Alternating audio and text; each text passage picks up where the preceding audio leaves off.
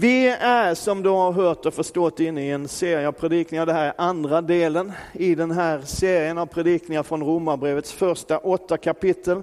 För se när vi tar resten av Romarbrevet, det, det blir kanske lite senare. I alla fall, förra söndagen så pratade vi lite grann om, om bakgrunden och syftet med det här brevet. Vi sa att Paulus har burit på en längtan väldigt länge att få, få besöka de kristna i Rom. För hans plan var att han därifrån sedan han ville träffa dem och få lite bönestöd. Och jag har en känsla av att han ville ha lite ekonomiskt understöd också. Eh, för han tänkte dra vidare till Spanien, för han hade hört att evangeliet ska till jordens yttersta gränser. För Paulus var typ Spanien jordens yttersta gräns, åtminstone åt det hållet. Så dit ville han för att få predika evangeliet där också. Så han skriver det här brevet till en församling som han egentligen aldrig har träffat, han har aldrig varit där. Och jag tror han skriver för att introducera sig själv, men också för att presentera det budskap som han tänker predika både i Rom och sedan i Spanien. Och vi, vi slutade i och med den, den 17, 18 versen någonstans förra, förra söndagen och vi ska gå vidare idag. Och den här andra delen har jag gett en något provocerande underrubrik. Den värsta synden. Och lägg märke till frågetecknet i, i slutet där. Du kommer förstå varför om en stund. Ehm, för ibland, ibland, så funderar vi, och vi jag, jag, har haft en hel del sådana samtal genom livet. Liksom, finns det synd som är värre än annan synd? Och i så fall, vad är den synden? Eller ska man helt enkelt låta bli att gradera? Hur funkar det här? Så, så finns det den värsta synden. Vi får se var vi landar idag.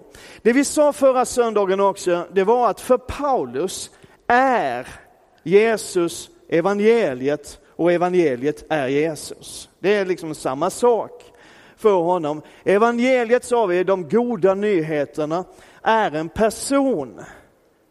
Och så sa jag som jag brukar göra, och den personen är inte du. Och jag tycker det är så våldsamt skönt att veta att det inte är du. Och jag tycker det är väldigt skönt att veta att det inte är jag heller. Utan evangeliet är Jesus Kristus. Det är det det handlar om. Och, och, Paulus placerar de goda nyheterna utanför oss själva. Du vet, vi, vi, vi talar om det och jag har nämnt det ibland. Alltså det, det, finns ju en tanke i vår tid, om du går på någon sån här allmän peppkurs på jobbet eller något sånt där, så handlar det ofta om liksom, ja men problemen finns på utsidan och du kan hitta lösningen i dig själv. Liksom, gå riktigt djupt i dig själv så har du lösningen på allting. Men Paulus vänder faktiskt på det och evangeliet vänder på det och säger att det problemet är du. Eh, och det, det, är alltid lika uppmuntrande att höra det. Jag får alltid sådana många halleluja när jag säger det. Problemet i ditt liv, ditt största problem är du. Men lösningen är inte i dig, utan den kommer till dig i en person som är Jesus Kristus, vår Herre och Frälsare. Prisat vare Herrens namn. Det är väl rätt skönt att du inte behöver gräva i dig själv efter en lösning. Det har du hållit på med tillräckligt länge, eller hur? Ja, men det finns en lösning och det är inte du som är lösningen utan det är han, Jesus Kristus som är lösningen. Halleluja!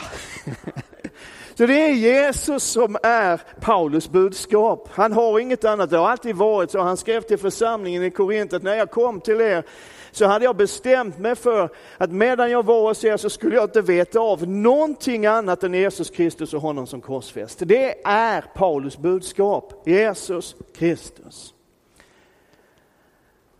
Så en av de saker vi, liksom, eller jag slog fast förra söndagen, det är Romarbrevets budskap är Jesus. Och därför är det så viktigt när vi läser texterna, och det gäller både Romarbrevet och all annan bibeltext. När vi läser bibeltexterna så gör vi en tolkning av dem, det gör vi alltid.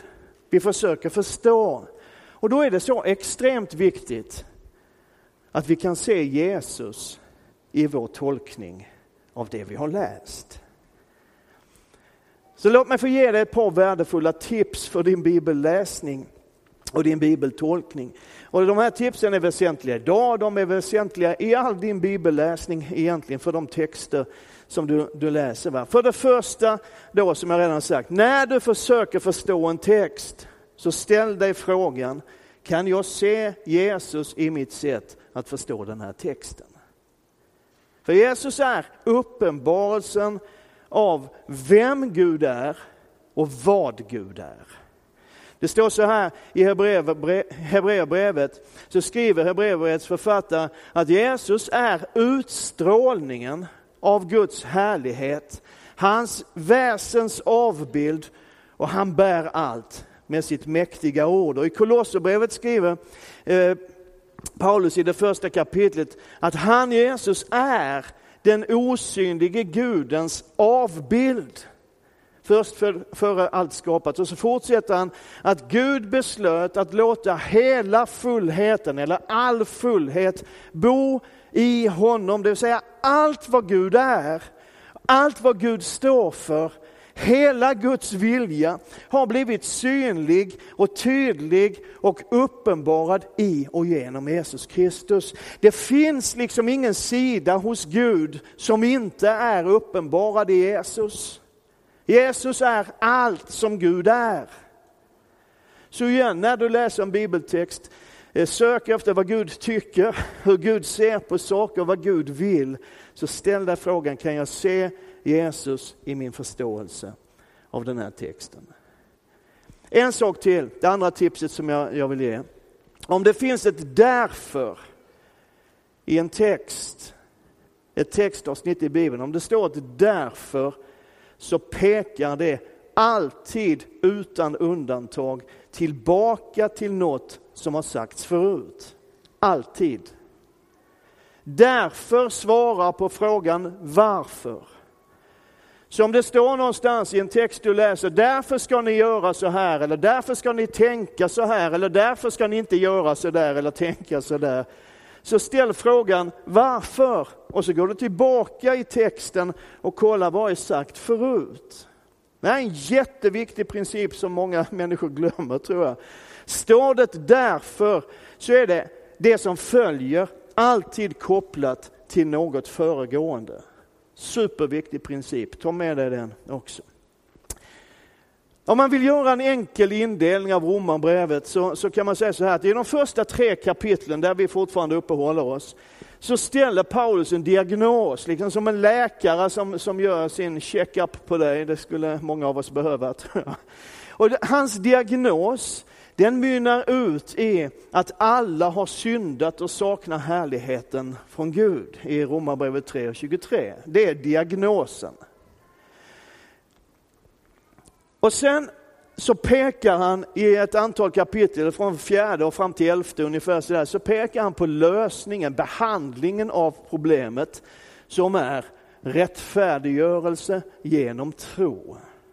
Inte gärningar, inte lagen, inte skärp dig, klipp dig, skaffa ett jobb, utan rättfärdiggörelse genom tro på Jesus Kristus.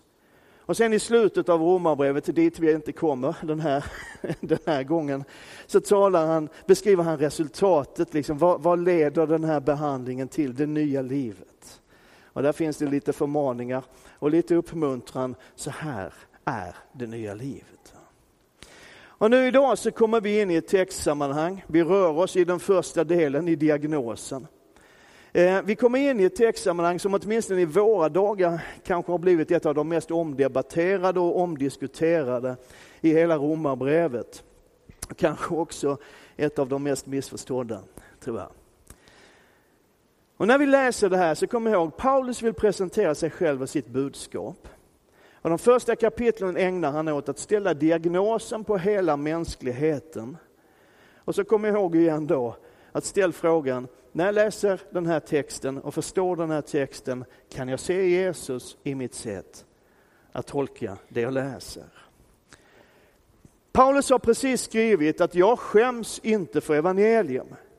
Det är en Guds kraft till frälsning för alla människor. Och så fortsätter han då i vers 18 i det första kapitlet. Guds vrede uppenbaras från himlen över all ogudaktighet och orättfärdighet hos människor som i orättfärdighet undertrycker sanningen. Det man kan veta om Gud är uppenbart bland dem eftersom Gud har uppenbarat det för dem. Ända från världens skapelse syns och uppfattas hans osynliga egenskaper, hans eviga makt och gudomliga natur genom de verk som han har skapat. Därför är de utan ursäkt. Trots att de kände till Gud prisade de honom inte som Gud eller tackade honom.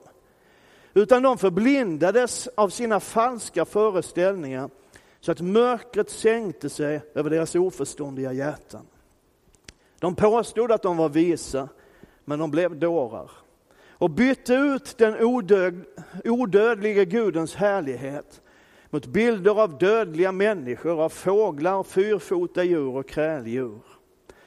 Därför utlämnade Gud dem åt deras hjärtans begär så att de orenade och förnedrade sina kroppar med varandra. De bytte ut Guds sanning mot lögnen och dyrkade och tjänade det skapade istället för skaparen, han som är välsignad i evighet. Amen. Därför utlämnade Gud dem åt förnedrande lidelse. Deras kvinnor bytte ut det naturliga umgänget mot det som är onaturligt. På samma sätt lämnade männen det naturliga umgänget med kvinnan och upptändes av begär till varandra. Män gjorde skamliga saker med män och fick själva ta det rättvisa straffet för sin förvillelse. Eftersom de inte satte värde på kunskapen om Gud utlämnade Gud dem åt ett ovärdigt sinnelag så att de gjorde sånt som inte får göras. De har blivit fyllda av all slags orättfärdighet, ondska, girighet, elakhet.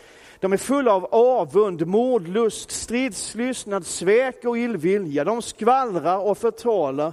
De hatar Gud och brukar våld. De skrävlar och skryter, de är påhittiga i det onda och olydiga mot sina föräldrar, vettlösa, trolösa, kärlekslösa och hjärtlösa. De känner mycket väl till Guds rättvisa dom. Att de som handlar så förtjänar döden. Ändå gör de sånt och de samtycker dessutom till att andra gör det. Vilken synd är det Paulus talar om här? En massa synder. Eller hur? 26 stycken om du vill veta. Och grejen är att jag tror inte att Paulus försöker göra en komplett lista över allt som är synd. Liksom, här är syndakatalogen. Utan han vill göra en poäng. Och nu undrar jag lite, kan vi prata lite grann om elefanten i rummet? Om det nu finns en, det kanske inte finns en, jag kanske sparkar in öppna dörrar, jag brukar göra det. Eh, men, men, men är det okej? Okay? För inför den här söndagen så har jag lite grann i församlingen känt av vibbarna. En och annan förväntan, till och med lite oro här och där. Och ett par stycken har faktiskt frågat rakt på sak. Vad tänker du säga om det där? För även om Paulus listar en mängd saker eller områden där vi människor har lämnat Guds plan, lämnat Guds tanke, där vi har brutit mot hans vilja, så är det, åtminstone i vår tid, en sak som lyfts fram långt mer än de andra i det här textavsnittet homosexualitet. Det är liksom det folk vet om den här texten, om de överhuvudtaget vet något om, om den. Och på något sätt så har det blivit som att allt det andra som Paulus pratar om här förstår lite grann tillbaka. Det är det här som har varit i fokus de senaste 10-20 åren utifrån den här texten i Romarbrevet. Och vi har låtit den skapa läger ibland oss. Och båda lägarna har använt den här texten på något sätt för att slå fast sin ståndpunkt. Ena sidan har sagt att Paulus är homofob. Det går inte att ta honom på allvar. Och den andra sidan har sagt att Paulus visar tydligt att homosexualitet är synd och vi måste vara tydliga på den punkten. Hur är det då? Jag tror inte att Paulus är mer homofob än någon annan egentligen. Han nämner homosexualitet som ett av många, många andra områden där vi människor har vänt Gud ryggen, gått vår egen väg. Men det är ingen tvekan om, utifrån den här texten, att Paulus menar att det är en synd. Och när jag säger det i en del sammanhang så brukar frågorna komma. Och jag har själv brottats en del och funderat över dem. Vilken sorts homosexualitet är det Paulus menar? Är det det sexuella experimenterandet, det lite queer-aktiga beteendet som han är, han är ute efter? Eller är det det utnyttjande av unga pojkar som var vanligt i, världen, eller i den världen där Paulus rörde sig på den tiden? Eller menar han all homosexualitet, liksom även livslånga relationer i trohet mellan två människor av samma kön? Vad är det han menar egentligen? Och ska jag ge ett ärligt svar på den frågan, så blir mitt svar, jag vet inte. Och grejen är att jag tror inte att någon annan vet med absolut säkerhet heller exakt vad det är Paulus avser. Och därför är jag också ganska försiktig med tvärsäkra och kategoriska knivskarpa statements i den här frågan. Jag brottas med den, men om vi ska vara ärliga. För de allra flesta av oss är inte detta en särskilt stor frestelse. Och med det sagt så vill jag också säga att jag har den största respekt för den som kämpar och famlar och söker svaren i de här frågorna. Och du som kämpar och famlar och funderar på din egen situation och din egen läggning och allt detta. Ska veta att du är välkommen i vår gemenskap, du är välkommen i min gemenskap och jag vill att du ska veta det. Men om jag går till mitt eget liv så inser jag nog att, att girighet och stridslystnad och avund och skvaller och förtal och en liten gnutta elakhet ibland och ett stort mått olydnad, åtminstone när jag var liten, mot mina föräldrar, är ett betydligt större problem i mitt liv. Och nu sitter du där och kan säkert peka ut en massa andra ord på skärmen just nu och applicera dem på mig. Och det går jättebra, du får göra det. Men då tänker jag att jag kanske ska ta itu med de här sakerna i mitt eget liv först. Innan jag börjar peka finger åt någon annan. Och vet du vad? Jag tror det är exakt det som Paulus är ute efter i den här texten. För det finns ett problem som ibland dyker upp när vi läser Bibeln. Och det är det här med kapitelindelning och versindelning. Versindelningen är i och för sig ett mindre problem, men det finns där det också. Då måste vi komma ihåg att kapitelindelningen i vår bibel, den kom till först på 1200-talet efter Kristus. Och världsindelningen av Nya Testamentet kom till 1551. Det är alltså inte en del av originaltexten. Och varför är det ett problem? Jo, därför att vi funkar så här och de flesta böcker som du och jag läser fungerar så här och vi är vana vid att när ett kapitel är slut så förutsätter vi att resonemanget som har förts också är slut och nu kommer någonting annat. Det är ju liksom det som är syftet med ett nytt kapitel. Eller hur? I en roman eller vad som helst. Men kom ihåg vad vi sa, ett därför i texten pekar alltid, utan undantag, tillbaka på någonting som har sagts förut. Och kapitel 2 i Romarbrevet börjar med ett därför och pekar tillbaka till det som Paulus nyss har sagt. Och Det betyder att resonemanget inte är avslutat i och med, med vers 32 i det första kapitlet, utan det fortsätter här med ett därför. Därför är du utan ursäkt, du människa, vem du än är som dömer. När du dömer en annan fördömer du dig själv, eftersom du som dömer handlar på samma sätt. Vi vet att Guds dom med rätta drabbar de som handlar så. Men menar du att du ska komma undan Guds dom, du människa som dömer de som handlar så och själv gör samma sak? Därför pekar tillbaka.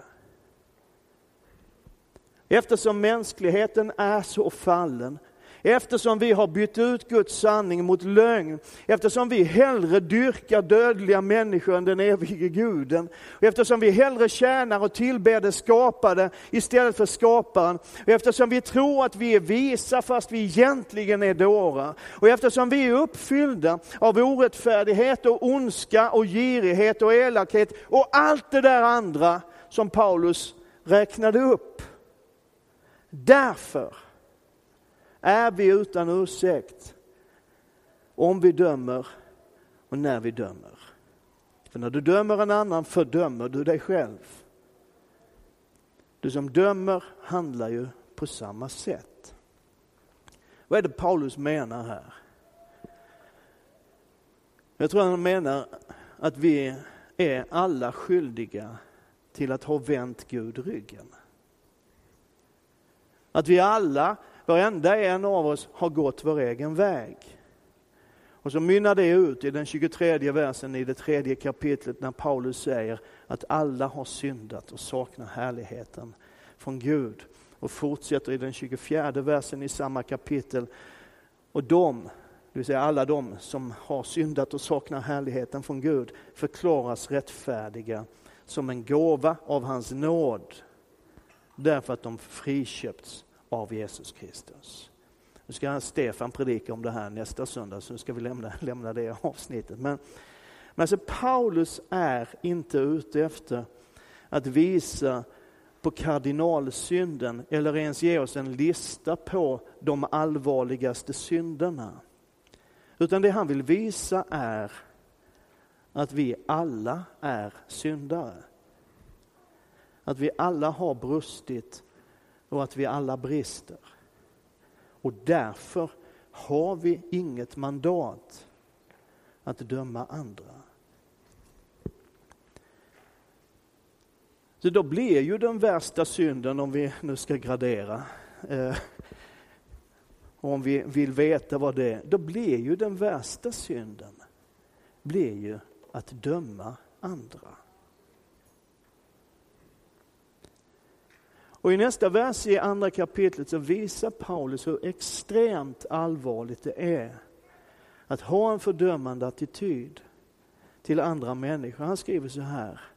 Eller föraktar du hans rika godhet, mildhet och tålamod? Förstår du inte att Guds godhet vill föra dig till omvändelse? Att döma andra, det är exakt vad det står här. Att döma andra är att visa förakt mot Guds godhet och nåd. Varför? Jo, därför att när vi dömer andra så bortser vi från att vi själva är i behov av exakt samma nåd. Och man kan tycka att det är deprimerande att läsa om hur fallen mänskligheten är, eller att läsa om hur fallen jag själv är. Men grejen är att det är förståelsen av detta som leder till verklig frihet. Martin Luther skriver i en kommentar till det här textavsnittet, och jag älskar det här. Han säger endast fången kan bli fri. Endast den fattige kan bli rik. Endast den svage blir stark, endast den ödmjuke blir upphöjd, endast den som är tom kan bli fylld och endast det som ingenting är kan bli någonting. Och det är bara Jesus som kan göra oss fria, oavsett vem vi är, oavsett vad vår synd handlar om. Alla är lika skyldiga. Och ingen har förtjänat Guds nåd och barmhärtighet. Men Jesus Kristus har friköpt oss. Halleluja. Vet, att förstå min position utan Jesus och att inse att jag är inte bättre och inte sämre heller för den delen än någon annan. Och att inse mitt totala beroende av Guds nåd och barmhärtighet är grunden för sann frihet.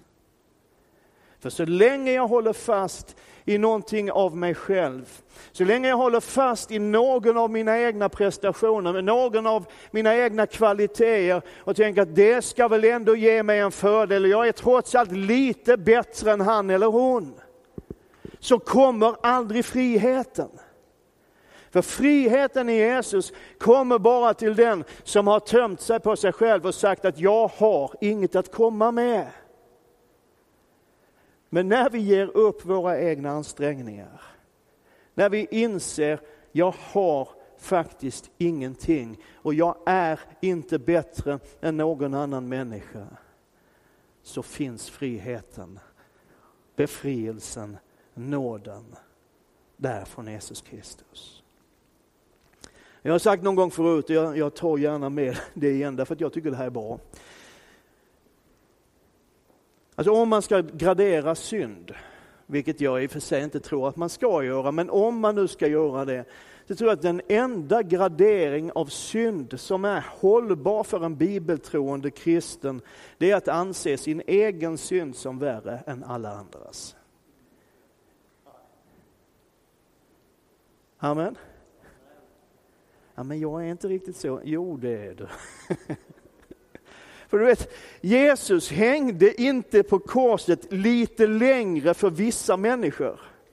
Eller för vissa synder.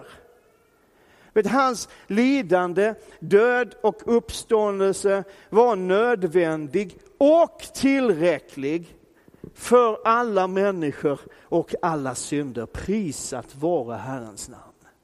Tänk att det Jesus gjorde räcker för en sån som Hultberg. Och tänk att det räcker för dig också. Halleluja.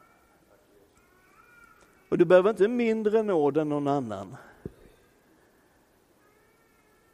Jag tycker det är så skönt, jag tycker det är så superbefriande. Liksom, jag har väl varit hyfsat skötsam, kanske lite busigare än många andra, men, men ändå hyfsat skötsam. Men ändå att veta det, att jag behöver inte mindre nåd i mitt liv än den värsta kriminella gangster som, som tar emot Jesus i sitt liv. Vi behöver exakt samma amount, vad heter det, mått av nåd. Vad är det måttet? Ja, det är total nåd. Amen.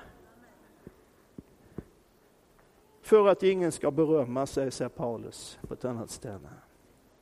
Det här är min förståelse, min tolkning av de två första kapitlen, eller egentligen de tre första kapitlen i Romarbrevet. Att mänskligheten har fallit långt bort från Guds tanke och plan. Alla är lika hopplöst förlorade alla är lika skyldiga, men det finns en lösning. Det är en lösning som är gemensam för alla, oavsett hur vi har levt och hur vi lever. Och det är Guds nåd och barmhärtighet genom Jesus Kristus, vår Herre. Det är min tolkning, min förståelse av texten jag läste. Och då kan vi ju för säkerhets skull ställa oss den här frågan, går det att se Jesus i den tolkningen? Ja, jag tycker det. Det finns en berättelse i Johannes evangeliet som så tydligt visar hur Jesus ser på oss. Brutna, fallna människor. Då förde de skriftlärda och fariseerna dit en kvinna som hade blivit gripen för äktenskapsbrott. De ställde henne i mitten och sa, Mästare, den här kvinnan greps på bar gärning när hon begick äktenskapsbrott. I lagen har Mose befallt att, oss att stena sådana. Vad säger då du? Detta sa de för att pröva honom och få något att anklaga honom för. Men Jesus böjde sig ner och började skriva med fingret på marken. När de fortsatte att fråga honom reste han sig och sa, den av er som är utan synd kan kasta första stenen på henne. Sen böjde han sig ner igen och skrev på marken. När de hörde detta började de gå därifrån, en efter en, de äldsta först. Och han blev lämnad ensam kvar med kvinnan som stod där. Jesus reste sig upp och sa till henne, kvinna, var är de? Har ingen dömt dig? Hon svarade, nej, Herre. Då sa Jesus, inte heller jag dömer dig. Men han slutar inte där. Och här är grejen. Jesus har inte konfronterat hennes synd offentligt. Inte när de andra var där. Han har liksom inte ropat ut på torget eller skrivit tidningsartiklar eller i sociala medier för att konstatera var han står i fråga om hennes livsstil. Men nu sitter han, vår Herre och Frälsare, ensam med henne, en bruten, trasig människa. Och så visar han henne att jag är inte är här för att döma dig. Du kan gå nu.